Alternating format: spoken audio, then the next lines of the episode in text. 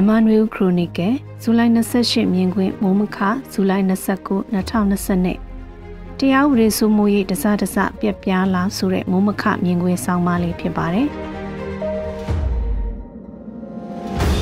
တရားဥပဒေစိုးမိုးရေးမရှိတာကြာပါပြီလို့ဆိုကောင်းဆိုနိုင်ပါတယ်တိုက်ပွဲတွေဖြစ်နေတဲ့မြန်မာနိုင်ငံအထက်ပိုင်းစကိုင်းမကွေးတိုင်းမြောက်ပိုင်းကကြေးရွာတွေမှာလူအသက်တောင်နိုင်နိုင်လွတ်အောင်တိန်းရှောင်ပြေးနေရတဲ့အခြေအနေမှာ ပိုင်ဆိုင်တဲ့နေအိမ်ကျွဲနွားအဝတ်အစားအိမ်အသုံးဆောင်ဆိုတာတွေဘယ်သူမှမတည်နိုင်ပဲထွက်ပြေးနေရတာအစင်မသိလို့အဖမ်းခံရပြီးဆွဆွဲအသက်ဖြတ်ခံရတဲ့အဖြစ်အပျက်တွေနေအိမ်မိရှုခံရတဲ့အဖြစ်အပျက်တွေနေစဉ်နဲ့အမျှဖြစ်ပွားနေရမှုအဲ့ဒီဒေသကသူတွေဖို့တော့တရားဥပဒေစိုးမိုးရေးဆိုတာမရှိတာလနဲ့နှစ်နဲ့ရှိပြီလို့ဆိုကြရမှာပါအဲ့ဒီဒေသအတွက်တရားဥပဒေစိုးမိုးရေးရှိနိုင်ဖို့ရမှာ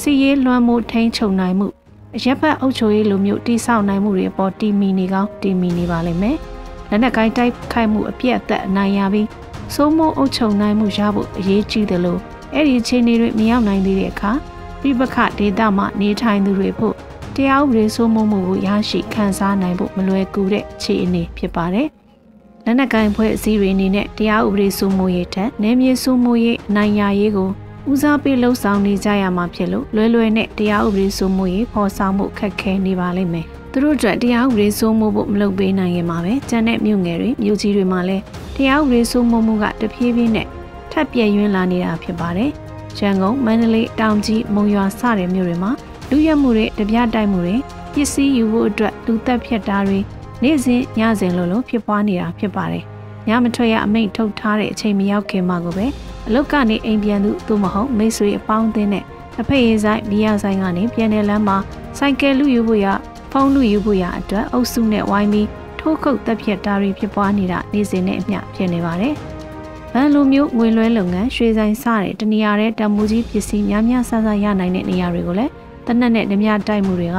သတင်းဘတ်တိုက်တနေရာမဟုတ်တနေရာမှာဖြစ်ပွားနေတာပါ။သတင်းတပုတ်ထဲမှာတောင်ကြီးမြို့မှာ 24နာရီအတွင်းလူရဲမှု9ချိန်ဖြစ်ပွားခဲ့တယ်လို့ဖော်ပြထားပါတယ်။ရန်ကုန်လိုင်းသားရမြို့နယ်မှာလို့ငွေချေးမဟုတ်ပဲပဇွန်တို့တွေတည်လာတဲ့ကာမီပွိုင်မှာရထားစင်လိုမျိုးအချိန်မှတော့ပဇွန်မုံတွေကိုဝင်လို့တဲ့အဖြစ်အပျက်တွေရှိနေခဲ့တာဖြစ်ပါတယ်။အကြခင်သတင်းဘက်ကဖုန်းကိုလူယူချင်တာကြောင့်ကားနဲ့ကုန်ပစ္စည်းဖြစ်တင်းတဲ့သူကိုတပ်ပြီးဖုန်းနဲ့ပိုက်ဆံယူဆောင်သွားတဲ့ဖြစ်ရဖြစ်ခဲ့ပါတယ်။ဒဂုံမြို့တဲ့လမ်းမကြီးတွေနှစ်ပေမှာညဘက်ကားခဏရပ်ပြီးအပေါ်ပါသွားတဲ့သူကိုဓာတ်နဲ့ထိုးပစ္စည်းလူယူတာ ခုခံရင်တက်ဖြတ်တဲ့အထိလှုံ့ဆော်ကြတာဖြစ်ပါတယ်။ပုံမှန်ချင်းနေမျိုးလိုညဘက်ရဲကင်းလှဲတာမျိုးတွေမရှိတော့တဲ့အချက်ကိုလူရဲသူတွေကခွင်ကောင်းယူကြတာဖြစ်ပါတယ်။ရဲတွေနေနဲ့နေကင်းလိုမျိုးအချိန်မှတော့လမ်းကြောင်းတွေရွေးပြီးသွားလာလှုပ်ရှားနေကြတာဖြစ်လို့ညလိုအချိန်ခါမှရင်းလိုကင်းလဲတာမျိုးတွေတစုံတရာဖြစ်ရင်ချက်ချင်းလာရောက်အကူအညီပေးမှလည်းမဟုတ်တော့တဲ့အနေအထားဖြစ်တဲ့အပြင်မြို့နယ်လူထုကလည်းအကူအညီမတောင်းခံလိုကြတော့တဲ့အခြေအနေဖြစ်ပါတယ်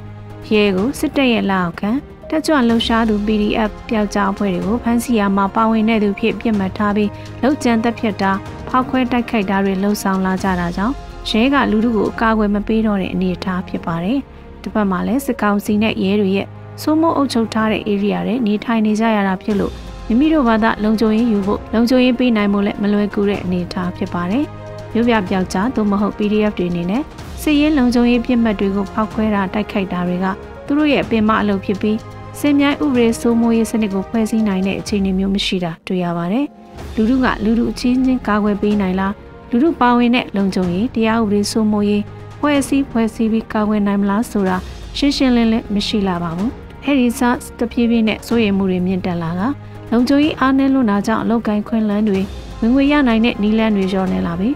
တပန်ရာဇဝတ်မှုတွေကိုပိုများလာဖို့တွန်းအားဖြစ်စေမှာဖြစ်ပါတယ်။ငက်ပြက်လို့ဓမြတိုက်တာမဟုတ်ဘူးဆိုနိုင်ပေမဲ့ငက်ပြက်ချင်းကလူရမှုတွေပိုဖြစ်လာစေဖို့အကြောင်းတစ်ချက်ဖြစ်နေတာတော့သေချာဖြစ်ပါတယ်။ခုချိန်နေဟာဒုတိယကမ္ဘာစစ်ကာလတုန်းကမြန်မာပြည်မှာကြုံတွေ့ရတဲ့အုပ်ချုပ်ရေးကြီးတစ်ခုလုံးစုပ်သွားတဲ့အခါ